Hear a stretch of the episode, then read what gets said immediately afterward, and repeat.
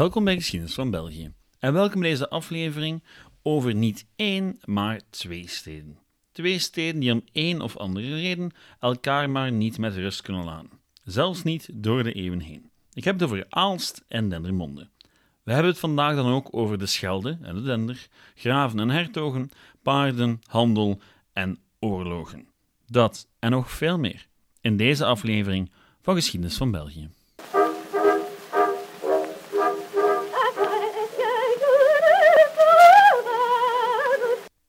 Vooraleer van start te gaan met de eigenlijke geschiedenis, enkele korte mededelingen. Er komt een tweede aflevering van Geschiedenis Nu met Bert Kruismans begin december. Alle feedback op dat project is en blijft welkom. Verder blijft de planning voorlopig ongewijzigd. Volgende week gaan we verder met de aanloop naar Wereldoorlog 2. En dat doen we dus met een korte reeks over het interbellum. En daarna volgen nog enkele tussendoortjes om dan eindelijk Wereldoorlog 2 aan te pakken, waar een heleboel van u al een tijd op zit te wachten. Nu, wat die tussendoortjes betreft, mag u zoals altijd suggesties doen via de Facebookgroep of het e-mailadres geschiedenisvan.outlook.be. U mag sowieso altijd van u laten horen, want het is leuk om een naam te kunnen plakken op de cijfers. Want eerlijk, soms vraag ik me echt af wie hier nu eigenlijk allemaal naar luistert. Zo zijn er onlangs wat luisteraars in Nairobi, Kenia, bijgekomen. En ik heb geen enkel idee waarom of hoe. Hetzelfde is ook al gebeurd met andere landen, zoals Dublin, Ierland. Ehm, ik weet het vaak helemaal niet, tenzij iemand mij ervan op de hoogte brengt. Zo is er bijvoorbeeld in Tel Aviv, Israël, een Belgische luisteraar die vaak gaat wandelen met zijn hond en de podcast dan ook beluistert. Nu, van hem weet ik het, want die heeft dat een tijd geleden laten weten via mail. Nu, daarbovenop hebben we voor de aflevering van Geschiedenis Nu af en toe getuigenissen nodig van mensen die in landen wonen waar we over willen babbelen. Dus ja, wie weet, als ik weet dat u bestaat en dat u ergens zit, dan contacteer ik u misschien ooit. Goed, tot daar de mededeling over naar Aalst en Dendermonde. Oké. Waarom Aalst en Dendermonde samen als ik pakweg rondse een hele aflevering lang wist te bespreken? Wel, ten eerste omdat ik dan heel wat tijd kan spenderen aan de veten tussen Aalst en Dendermonde. En ten tweede omdat het lot van beide steden onlosmakelijk aan elkaar verbonden lijkt te zijn. Ze zitten nu eenmaal in een heel gelijkaardige situatie en kwamen elkaar in de loop der eeuwen telkens opnieuw tegen. Beiden ontstonden aan een rivier waar al snel een kasteel werd neergezet en beiden kenden in de 14e en 15e eeuw een grote economische bloei, waaraan ze, tot de dag van vandaag, hun mooie historische stadcentrum te danken hebben. Ze liggen ook beiden tussen de belangrijkste steden van het land. Aalst tussen Brussel en Gent en Dendermonde zelfs tussen Brussel, Gent en Antwerpen. Nu, over die gelijkenissen en hoe die eigenlijk mee tot het constante gebikker tussen beiden zouden leiden, hebben we het later wel nog. Voor niet-Oost-Vlamingen moet ik misschien heel kort wat extra uitleg verschaffen over die veten. Hoewel Aalst en Dendermonde aan elkaar grenzen, is er al eeuwenlang sprake van een veten. Vandaag vooral humoristisch, vroeger ook een uh, stuk serieuzer. In de laatste 70 jaar alleen al probeerden Aalstenaars het Roosbejaar te ontvoeren, bouwden ze vervolgens een eigen versie, werd de Aalsters Belfort tijdens carnaval bezet door Dendermondse studenten en de Aalsterse prins carnaval ontvoerd en vrijgelaten op de Dendermondse Grote Markt. En dat is enkel een korte weergave van de gebeurtenissen van 1952 tot 1966. En hoewel het makkelijk is om vooral naar het meer cartooneske conflict van de voorbije eeuw te kijken, is het boeiend om naar de realiteit erachter te kijken. Een realiteit van twee regionale steden die nooit echt tot grootsteden zijn kunnen uitgroeien. Enerzijds door de grillen van de geschiedenis, anderzijds door de aanwezigheid van de anderen. En die drie echt grote steden in de buurt. En dat is het verhaal dat we vandaag proberen te vatten. Oh, en nog één korte voetnoot. Hoewel ze terloops zeker aan bod zullen komen, ga ik vandaag niet expliciet in op Aals carnaval of de Dendermondse omgang. Dat zijn onderwerpen die later nog aan bod zullen komen, in respectievelijk een aflevering over carnaval en eentje over omgangen. Alles op zijn tijd. Oké, Dendermonde en Aalst. Beginnen doen we in Aalst, want, wel, Je moet ergens beginnen en gelukkig bestaat er zoiets als het alfabet. Net zoals elders in de lage landen werd de streek van Aalst al sporadisch bewoond in de eeuwen voor de komst van de Romeinen. Die Romeinen hadden hoeven en villa's in de streek, maar het echte begin van Aalst ligt in de vroege middeleeuwen. Als er een versterkte hoeve gebouwd wordt op een eiland in de Dender tussen 750 en 800 na Christus. En met die eerste nederzetting naast een rivier is Aalst zeker niet uniek in de lage landen. Integendeel. Daarbovenop lag dat vroege Aalst ook vlak op de weg tussen Brugge en Keulen, een belangrijke landroute in de streek. Nu goed, dat verbonden zijn met de rest van de wereld was niet altijd even handig. Toch zeker niet in de 9e eeuw, als vikingen regelmatig rivieren opvaren om ook binnenlands te gaan plunderen. En dus werd in 879 zowat heel het vroege Aalst met de grond gelijk gemaakt. Nu goed, Aalst zou herrijzen uit de as. Er is ook nog een interessant verhaal over Aalst binnen Vlaanderen. Want oorspronkelijk behoorde Aalst tot het graafschap Brabant en het Heilig Roomse Rijk. Maar het werd in de 11e eeuw geannexeerd door de graaf van Vlaanderen en dat was waarschijnlijk een goede zaak voor de stad. Want in Vlaanderen begon de economische ontwikkeling een pak vroeger dan in Brabant. Al is die Brabantse periode niet onbelangrijk, want Aalst beriep zich een hele tijd op die periode om uitzonderingen te krijgen, om speciaal te zijn. En ze adapteerde het rood-wit van haar vroegere heren, de hertogen van Brabant-Lotharingen, als stadskleuren. Oh, en die dubbelkoppige arend in het wapenschild van Aalst heeft daar ook alles mee te maken. Net als het feit dat Aalst zichzelf graag de keizerlijke stad noemt. Nu goed, Aalst zou dus een stad worden. Dankzij de goede verbindingen met de buitenwereld ontstonden er al vlucht markten, een haven en de bijhorende scheepvaart. En er groeide dus een belangrijk regionaal handelscentrum dat in 1174 stadsrichting kreeg. En de stad bleef ook groeien, mede dankzij een nieuwe nijverheid. De lakennijverheid. Tuurlijk wel. Wat anders in de middeleeuwen in Vlaanderen. En net zoals de rest van de Vlaamse steden kreeg in Aalst in de 12e eeuw de lakennijverheid voet aan de grond. Er werden er niet veel later een heleboel stenen gebouwen neergezet. Kerken, muren, belforten. Aalst had en heeft min of meer het allemaal. En daarmee is die stad niet uniek, want wel, over Dendermonde kunnen we min of meer hetzelfde verhaal vertellen.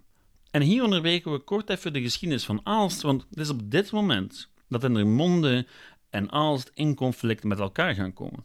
Ja, ja, in de 12e eeuw na Christus. De naam Dendermonde zegt eigenlijk al alles. Monde, oftewel monding van de Dender. U weet wel, diezelfde rivier waaraan Aalst gesticht werd. De Dender loopt de Dendermonde in de Schelde. En door gewoon al die naam van de Dender een paar keer te herhalen, voelt u al waar dat conflict tussen Dendermonde en Aalst vandaan komt.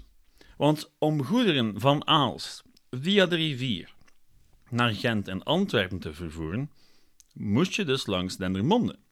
En als Dendermonde geen zin had om de Aalstenaars door te laten, wel, ja, dan kon het wel wat impact hebben op de lokale handel. Dendermonde ontstond aan de samenvloeiing van Dender en Schelde en bewoning was er al vanaf het Neolithicum. De huidige stad ontstond ongeveer in dezelfde periode als Aalst en ten tijde van de Franken aan de oevers van de Dender. Nu, het stadje groeide voor een groot deel naast de Burgt. En de Burgt was een versterking gebouwd tegen de komst van, jawel, de Noormannen. En het gebied behoorde trouwens net als Aalst tot de 11e eeuw tot het graafschap Brabant en het Heilig Roomse Rijk. Nu, eens deel van het graafschap Vlaanderen zou de stad zich verder ontwikkelen, al duurde het wel tot 1233, vooraleer Dendermonde stadsrechten zou krijgen. En wat volgde, ja, dat, kent u al. Muren, kerken, Belfort enzovoort. Met het prachtige historische stadscentrum van Dendermonde als gevolg. Tegen de 14e eeuw waren zowel Dendermonde als Aalst bloeiende handelssteden met een eigen nijverheid. En hadden ze al ongeveer 200 jaar ruzie. Want het was al begonnen in de 12e eeuw. Dendermonde besloot dat al die schepen die richting Aalst voeren tol moesten betalen. Tol betalen aan Dendermonde. En dat soort toestanden raakt altijd een gevoelige snaar. Eerst lieten de Aalstenaars de ladingen in Baasrode, vlak voor de stad, lossen om ze dan langs land te vervoeren. Die handige oplossing zou in de 16e eeuw ten einde komen toen Dendermonde het monopolie op de Schelde kreeg in de streek. En dus echt alle rivierhandel naar Aalst kon controleren. Alles moest dus via Dendermonde en op alles moest tol betaald worden. Daarbovenop vond men natuurlijk ook andere zaken om ruzie over te hebben. Het was bijaard bijvoorbeeld. Hoewel het nu vooral met Dendermonde geassocieerd wordt, was het in de middeleeuwen niet zo ongebruikelijk om optochten te doen met een groot paardenbeeld. De legende van het Rosbijaard en de vier heemskinderen was wijd verspreid. En een versie van dat paard maakte deel uit van de optochten in Brugge, Leuven, Oudenaarde, Breda en nog veel meer. Volgens de legende gingen in de 15e eeuw enkele Aalstenaars naar Dendermonde, met de vraag om het ros te mogen lenen voor een omgang in eigen stad. Niet zo heel ongebruikelijk, maar wel geweigerd door de Dendermondenaars. Nu, ik heb niet kunnen checken of dit verhaal klopt of niet, maar het maakt wel deel uit van de kanon van de weten. En dat is heel interessant, want dergelijke pogingen om het Rosbijaard in Aalst te krijgen zijn niet zo lang geleden ook gebeurd. Oké, de Aalsnaars hebben geprobeerd om het ros te ontvoeren en daarna hun eigen um, spotros gebouwd, dat nu ook meegaat in het Aalst carnaval. Maar het is wel heel interessant hoe dat verhaal toch is blijven hangen. Oké, terug naar de gelijkenissen tussen beide steden. Want hun geschiedenis loopt nu eenmaal parallel. Zo kregen beide steden het in de loop van de 14e en 15e eeuw moeilijk om exact dezelfde reden. Gent. Oké, niet zozeer Gent alleen, maar eerder de vele conflicten tussen de stad Gent en de graven van Vlaanderen. Gent was rijk, Gent was machtig en had heel wat eisen. Nu kan u zich afvragen wat Aalst en de Monde daarmee te maken hadden. Wel, op zich niet zo bijster veel, want de conflicten die Gent had waren meestal met de graaf van Vlaanderen, of de Franse koning als die zich moeide, of de Engelse koning als die zich moeide. Maar feit is dat Dendermonde en Aalst twee belangrijke handelssteden waren, die trouw waren aan de graaf, meestal, en vlakbij Gent lagen. Dus telkens Gent in een conflict geraakte met de graaf, de koning van Frankrijk, de koning van Engeland en nog een heleboel andere mensen, ja, dan werden die twee steden vaak meegetrokken in het krijgsgeweld, met alle gevolgen van dien. Ehm, de handel viel stil, niet zo goed, soms werd er geplunderd, soms werd de stad ingenomen, enzovoort enzoverder. De situatie verbeterde eens de Bourgondiërs meer grip hadden gekregen op het graafschap van Vlaanderen en Gent op de knieën hadden gekregen na de slag bij Gavre. Al duurde die vreedzame periode niet super lang. De 15e eeuw was al een stuk aangenamer, maar de 16e bracht opnieuw oorlog en verderf, met de beeldenstorm en de opstand en de 80-jarige oorlog. Aalst werd op een bepaald moment zelfs ingenomen door muitende Spaanse troepen en gebruikt als uitvalsbasis voor hun plundertochten. We hebben het vaak over de furie van Antwerpen, toen Antwerpen geplunderd werd door Spaanse troepen, maar hetzelfde gebeurde herhaaldelijk met Aalst. Pas in de Oostenrijkse periode zou dat oorlogsgeweld min of meer plaatsmaken voor relatieve vrede en handel. En in de 19e eeuw zouden beide steden beginnen industrialiseren. En hoewel Aalst het meest verregaand zou industrialiseren en de grootste bevolking zou tellen, was het Dendermonde dat om de een of andere reden het lievelingetje bleek van het centrale gezag. Want dat is ook onderdeel van de veten. Het simpele feit dat Aalst misschien wel de grotere stad is, maar Dendermonde vaak bevooroordeeld werd ten koste van Aalst. Bijvoorbeeld, toen Napoleon het Denderdistrict een rechtbank moest toekennen, kwam die in Dendermonde terecht. Toen wat later Willem I van het Verenigde Koninkrijk der Nederlanden een kazerne wou neerplanten, viel die keuze opnieuw op Dendermonde. Op zich niet dan logisch, want Dendermonde was al wel vaker een militaire vesting geweest. Maar goed, toch werd er opnieuw gekozen voor Dendermonde. En ook onder de volgende vorst van onze contrij, de Belgische Leopold I, kreeg Dendermonde de voorkeur op Aalst. Dendermonde kreeg het derde treinstation op het Europese continent. Al had het eigenlijk evengoed Aalst kunnen zijn, want men wou gewoon een lijn trekken van Brussel naar Gent. En wie ligt er ook tussen Brussel en Gent? Jawel, Aalst. En zo ontstond er langzaam maar zeker een beeld van Aalst als de stad van arbeiders, van lompe ajuinboeren. En van Dendermonde als een stad van arrogante, omhooggevallen dikke nekken, van brave burgers. Nu, over Dendermonde heb ik het straks nog wel, maar ik wil eventjes stilstaan bij Aalst. Een stad die vanaf de 19e eeuw zowel synoniem werd met fabrieken en arbeiders als met ajuinen. Voor de fair.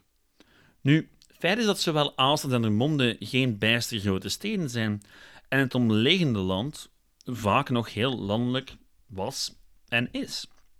Tijdens de 19e eeuw werd in de gebieden rond Aalst vooral ajuin geteeld. Met alle gevolgen van dien, want het woord ajuin wordt nu overal geassocieerd met Aalst. En tegelijkertijd begonnen de textielfabrikanten hun weg te vinden naar Aalst. Al vanaf eind de 18e eeuw streken de eerste fabrieken neer, maar pas met de komst van de stoommachine zou Aalst echt een industrieel bolwerk worden. En in Aalst vond de industrialisering zelfs plaats binnen de stadsmuren. De fabrieksschouwen rezen op te midden van de oude binnenstad en heel die binnenstad veranderde ja, in een echte industriestad. En die binnenstad verloor al snel heel wat van zijn charme. Want ja, al die arbeiders die moesten natuurlijk gehuisvest worden. En al vlug kreeg je beluiken en krotwoningen. Maar waarom in Aalst? Wel, de aanwezigheid van de dender was natuurlijk belangrijk, net als de toegankelijkheid van goedkope arbeidskrachten. De dender was niet alleen van belang voor de aanvoer van grondstoffen, maar even goed als openbaar riool. Of waarom de Dender lang een van de meest vervuilde rivieren van Europa was. En deze periode was essentieel voor het Aalst van vandaag. Op zo'n 50 jaar tijd steeg het aantal inwoners van 11.000 naar 30.000. De groei van Aalst viel niet toevallig samen met crisissen in de landbouwsector. En bij gevolg waren heel wat mensen net in die periode op zoek naar werk. Werk dat ze konden vinden in de industrie in steden als Gent, Brussel en Aalst. Toen Aalst ook eindelijk zijn eigen aansluiting op het nationale spoornet kreeg, was het hek volledig van de dam. Daarbovenop werden nog een aantal kanalen aangelegd. En toen de Dender ook nog eens uitgegraven werd en binnenscheep met een lading tot 300 ton de Ajuinstad konden bereiken, ja, dan bleef die industrie maar groeien en met haar de stad. Al was die stad daar eigenlijk niet helemaal klaar voor. De nieuwe arbeiders kregen dan wel werk, maar vaak tegen hele slechte voorwaarden en konden amper rondkomen. De huisvesting was dan ook nog eens erbarmelijk slecht. En daarmee was Aalst zeker geen uitzondering in de tweede helft van de 19e eeuw. Maar dan nog waren de toestanden schrijnend. Wat ons brengt tot een van die dingen buiten carnaval en ajuinen waar Aalst ook bekend voor is. Adolf Daans priester Adolf Daans, en zijn minder bekende, maar eigenlijk even belangrijke broer, Pieter Daans. Ik ga vandaag niet al te diep ingaan op de dansen, want ik zal vroeg of laat nog een aflevering wijden aan de christendemocratie. Feit is dat de opkomst van Daans mee het gevolg was van de toestanden in Aalst. Naar veranderingen die zouden niet echt uit Aalst komen, maar eerder van het nationale niveau, en zijn dus een verhaal voor een andere keer.